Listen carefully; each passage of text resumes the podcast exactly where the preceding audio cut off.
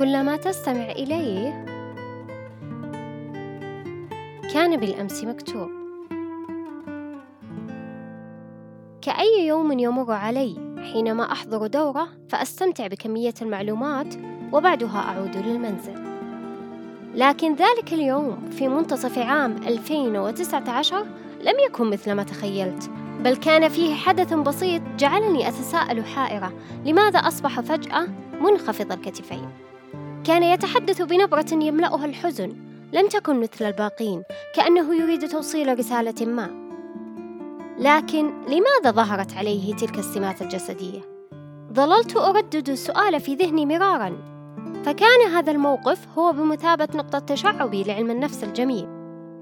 الذي كلما ابتعدت عنه أجدني أقرأ فيه من جديد. ظللت أبحث جاهدة لماذا أصبح هكذا؟ وهل نستطيع أن نتكلم وتكون حالتنا الجسدية مختلفة عما نشعر به؟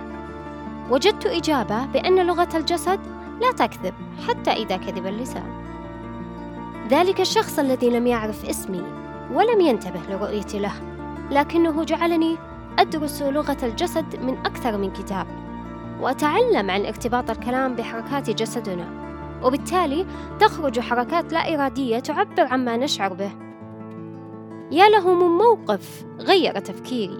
ويا لها من أسئلة جعلتني أجد نفسي متعطشة لعلم لم أهتم بقراءته سابقا. سأخبركم السبب الذي جعله بتلك الهيئة الجسدية وبنبرات الصوت الغريبة التي لم أسمعها من قبل. لقد خسر مشروعه بالكامل وكان أقدم على تلك الخطوة لرؤيته الفرصة المتاحة في هذا المجال. حينما أقابله يوما ما سأخبره بامتناني العظيم له وأتمنى له النجاح في حياته